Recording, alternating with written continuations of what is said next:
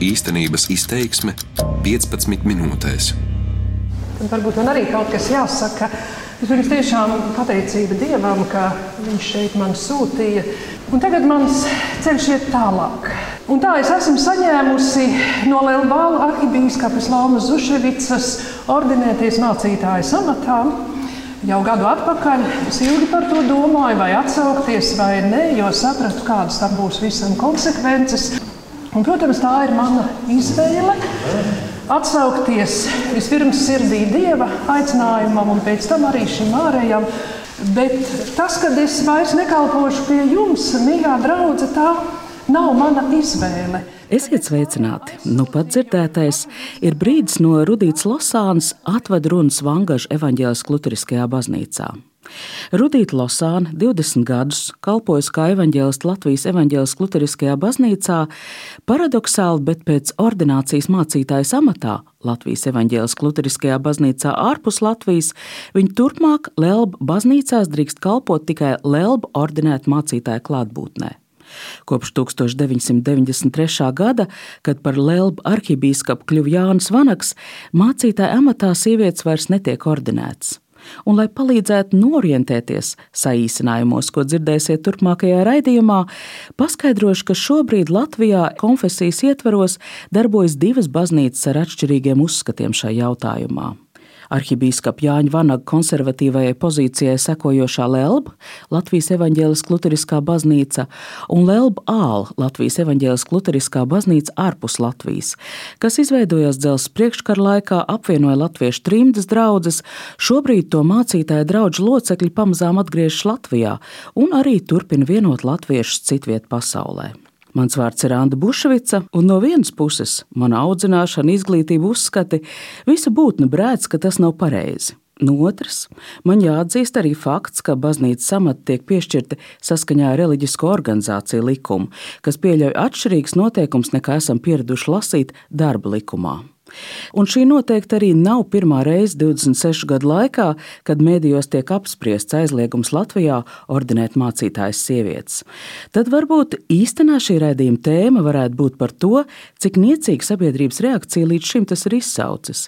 Citētais fragments bija no režisors Kristīnas Briedes topošās filmas ar darba nosaukumu Sieviete un Dievs. Nu, runājot par filmu, īstenībā ir diezgan pārāk runāt, jo es esmu patiesībā tikai vēl pētniecības un attīstības stadijā. Protams, esmu šo to jau filmējusi. Runa ir par Latvijas sievietēm, teoloģiem, kuras vēlas būt mācītājas, luterānis, bet kuras to mūsdienu Latvijā nevar. Un būtībā tas, ko es vēlos dokumentēt, es vēlos dokumentēt, kā šīs sievietes cenšas un iet uz savu mērķi.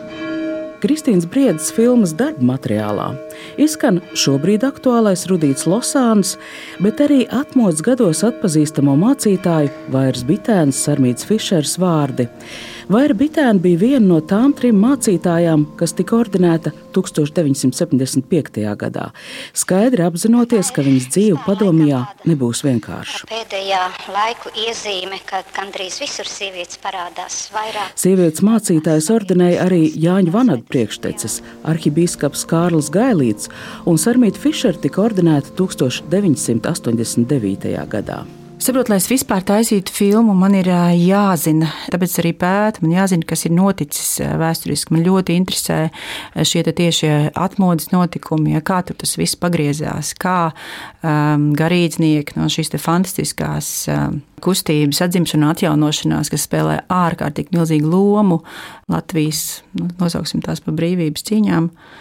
Kā tas pagriezās pēc tam, kad saskārās šies, šīs divas pasaules.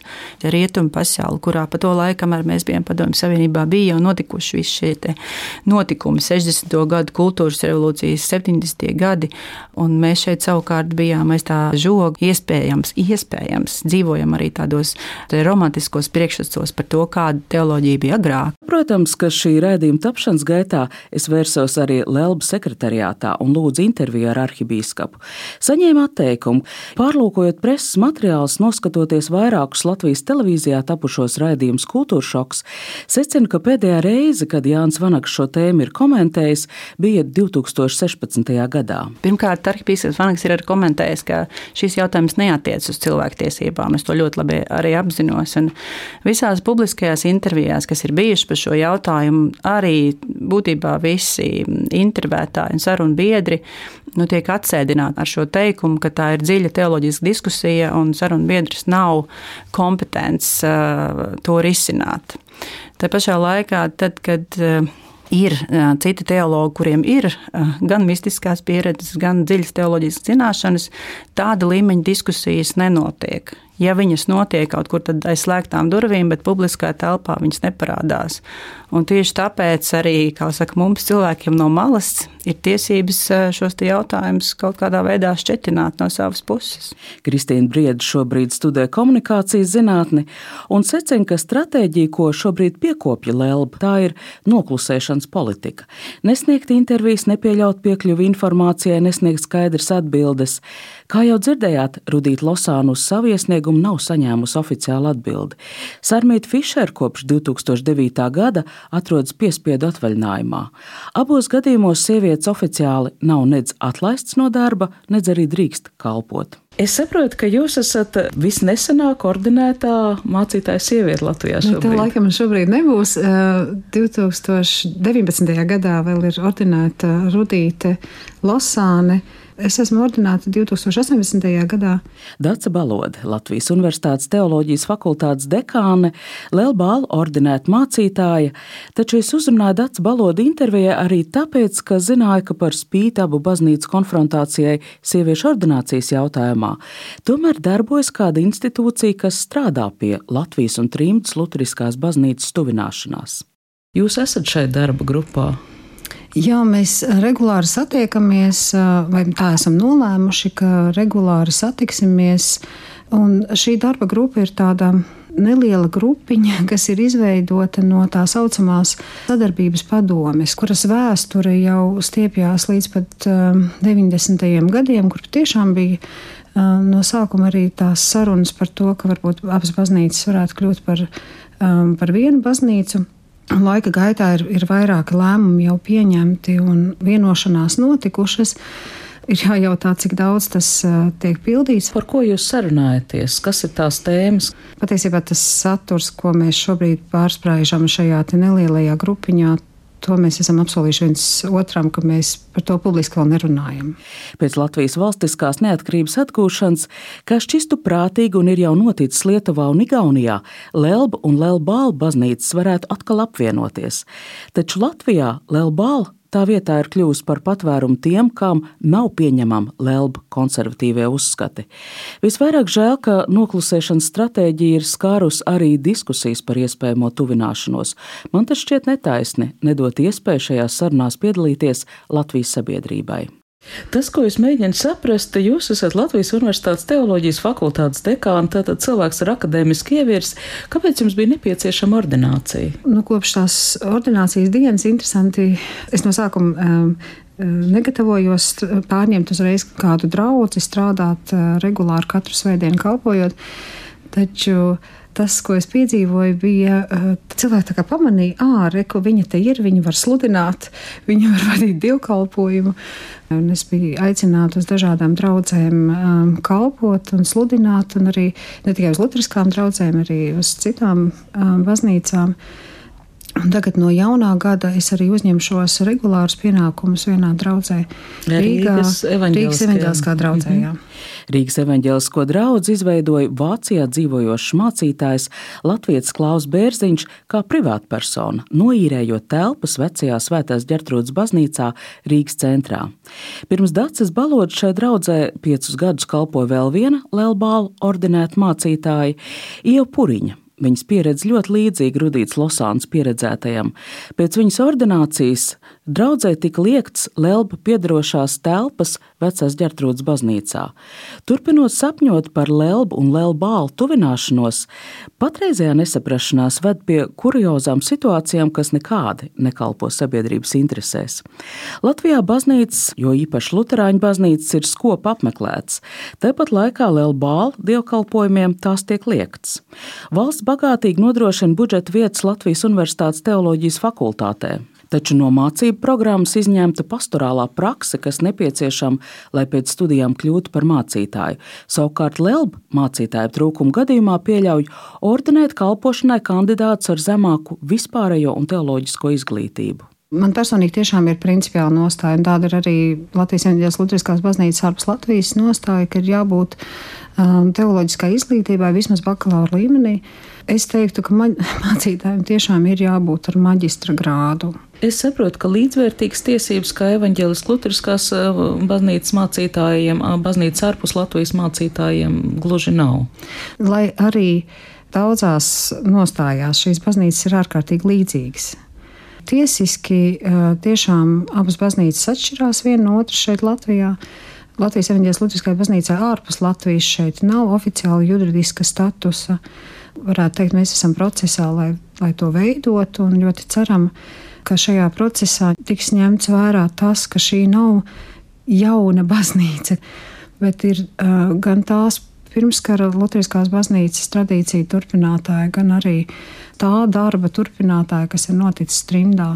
Lūgums Tieslietu ministrijai atzīt šo pēctecību nav tikai Latvijas baznīcas vēstures jautājums.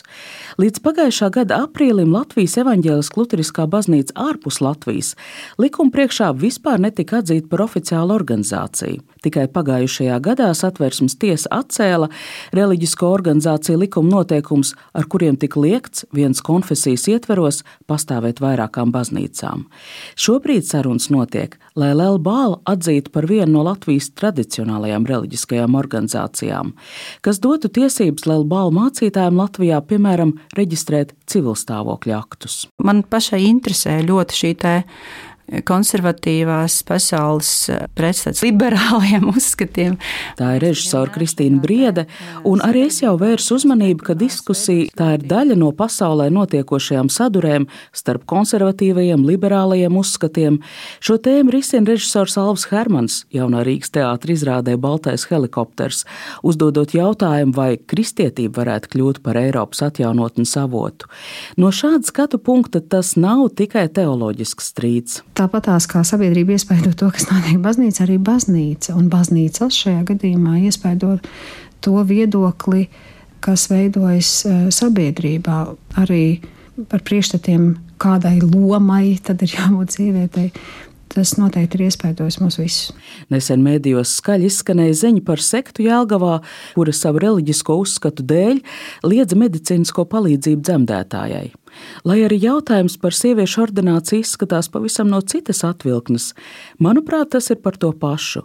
Cik tālu valsts var ļaut vaļu reliģiskām organizācijām, drīkst neiejaukties. Nu, vienmēr ir tā cerība, ka baznīcas amatpersonām ir kaut kādas tādas zināšanas, kas nav pieejamas lajiem, jā? ka viņi redz to situāciju skaidrāk. Bet tad ir tas jautājums par to sadarbību, cik tālu var ļauties šai ticībai un kur tas jau sākas kart reāli cilvēku, cilvēku tiesības, izpratni par jautājumu par sievietes vietu sabiedrībā. Tam, kā jāveidojās valsts un baznīcas attiecībām, tur būtu jābūt izglītotu, kritiski domājošu un godīgu cilvēku sarunai par to. Mēs redzam, tomēr kaut kādā noteiktā kultūras telpā, ir daudz organizācijas, un arī valsts svin savu dzimšanas dienu ar dievkalpojumu, tas man liekas ir dodoši vienai un otrai pusē man liekas, bīstami tad, ja notiek tāds, varētu teikt, tāda tā kā korupcija starp baznīcu un, un valsti vai valsts ierēģiem. Mēs tev to un tu mums šito. Līdzšinējais nosaukums Latvijas evaņģēliskā luteriskā baznīca ārpus Latvijas faktiski neraksturo vairs trimdas baznīcas būtību. Robežas ir vaļā, trimdīši atgriežas, cilvēki ceļo, gūst baznīcā gājēju pieredzi ārpasaulē, kur vairāk kā 80% luterāņu atbalsta sieviešu ordināciju.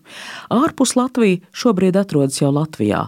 Lielbāla paspārnē Latvijā darbojas jau septiņas draudzes. Valstī ir jābūt eh, tādai, kas spēj nodrošināt um, brīvību jebkurai reliģiskai izpausmei. Mēs varam skatīties dažādām reliģiskām tradīcijām, tām ir jājūtās valstī komfortabli.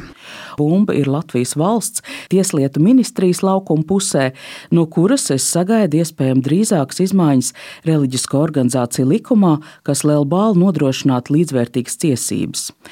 Jo tieši Lielbāla, jeb Trimds baznīcas atgriešanās Latvijā, Lutāniem garantē viņa cilvēktiesības, kopā ar ticību neizvēlēties, noteikti nostāja attieksmē pret sievietēm, gejiem, nepaklausīgajiem. Un šis būtu īstais brīdis arī sabiedrībai Latvijā beidzot paust savu nostāju. Šo raidījumu īstenības izteiksme sagatavoja Anna Bušvica, skaņoperators Renārs Šteimans.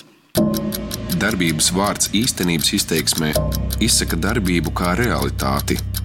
Tagatnē, pagātnē vai nākotnē, vai arī to noliedz.